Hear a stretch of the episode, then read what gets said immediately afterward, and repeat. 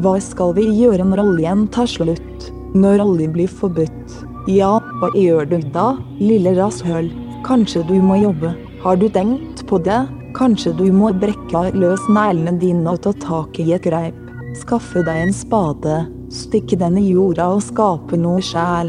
Klarer du det ikke, sier du, vil du bare ta selfies og poste dem på Instagram? Er det din jobb?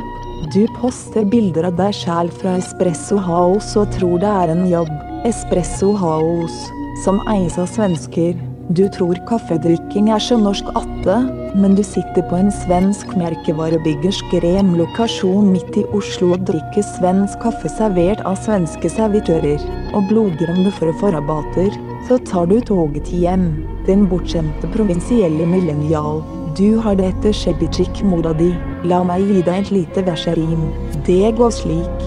Du vil sitte i styret Høyre på bygda og drite langt faen i naboen over bekken. Arbeidslyst som en gjennomsnittlig trygda, silkemyke hender og træler i hegen. For å si det på en annen måte, den du ikke har i huet, det tar du igjen i kjeften. Du kan jo faen ikke en dritt, går bare rundt og preiker. Til tross for at det er det som skal til for å bli politiker, ville du aldri ha klart deg i politikken. Du er et tomt skall, et renset skjell fra fjæra med pen overflate som liker å speile seg så det ser ut som om det finnes flere eksemplarer av deg, så du føler deg viktig.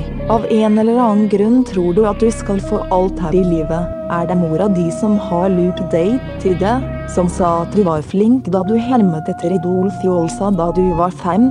All den rosen gjorde deg middelmådig, sykkelhjelmen gjorde deg blaut i huet. De evinnelige støttehjulene gjorde deg ute av stand til å holde balansen på egen fot. Så begynte du på Markedshøgskolen, men det tok ikke lang tid før du klagde på undervisningen fordi fagene ikke handlet om deg selv. Du måtte tenke, og det sleit. Fittesaft suse. Nei, la oss snakke om musikksmaken din. Det går i EDM, ikke noe i veien med det, vel, sier du. Jo, det er det. Du har aldri tatt i ei vinylskive. Du kan sammenlignes med en gjødselskarabé, det vil si, hvis du står foran et fat med avansert føde, skyr du unna, mens der det finnes drit, mesker du deg god og mett. Du elsker det, eller du trenger ikke noe annet. En skikkelig dropp, og du er i ekstase. Husker du mormor, da hun sang for deg på sengekanten? Hun hadde så nydelig stemme, og du var hennes publikum. Hun lagde mat til deg og stelte hjemme. Det var alt for henne. Du var alt for henne. Hun trengte ingenting mer enn det. Hun hadde alt. Det enkle, lykkelige livet. Men det ble ikke sånn. Du ville vinne verden. Du ville bli en stjerne. For det hadde mora di sagt var mulig. Men vet du hva? Det finnes milliarder av andre stjerner, og alle er bitte små og jævlig langt unna. Hver dag går du og drømmer om å hjelpe et gulegg, lage en app eller skrive en liten hit, bli oppdaget. Du skal ikke gjøre så mye for det, fordi du er jo den utvalgte. Og der skal verden knele bare du skvatter med buksene på knæra, og trenger ikke engang være et gullegg som spretter ut av ræva di når du trykker og klemmer ut en aldri så liten søtladen bæsjekladd, og bare det stimler diverse møkkakrypdyr for å slikke og sutte på. Det skal ikke mere til, tenker du, fordi du har en aura av magi over deg, og da vil folk ha møkka di, Tenk, det er din drøm. Men nei, la oss se på scenario sannsynlig. Du blir ikke et ikon. Du er ikke opphøyd.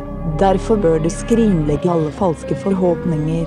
Faktisk så kan man bli deprimert av å aldri oppnå noe du tror du skal klare. Så slapp heller litt av, og begynn å jobbe. Men hva er dette? Skimter lengt håret, eller er det din skjebnes blære som har skvett og kroppsvæske på ditt kinn? Klarer du ikke konsentrere deg, sier du? Er det for mye med varslingene som popper opp i synsfeltet? Hva er det de prøver å fortelle deg? Hva er det de vil si, som du ikke kan være foruten?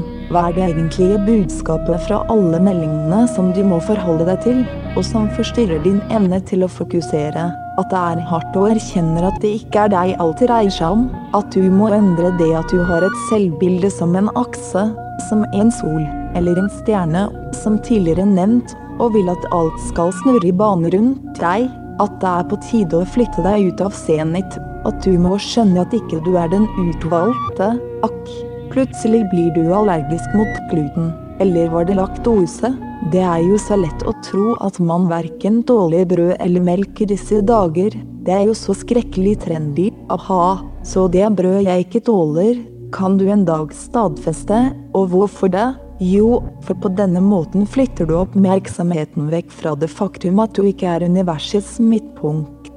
Hvilken sinnrik taktisk manøver.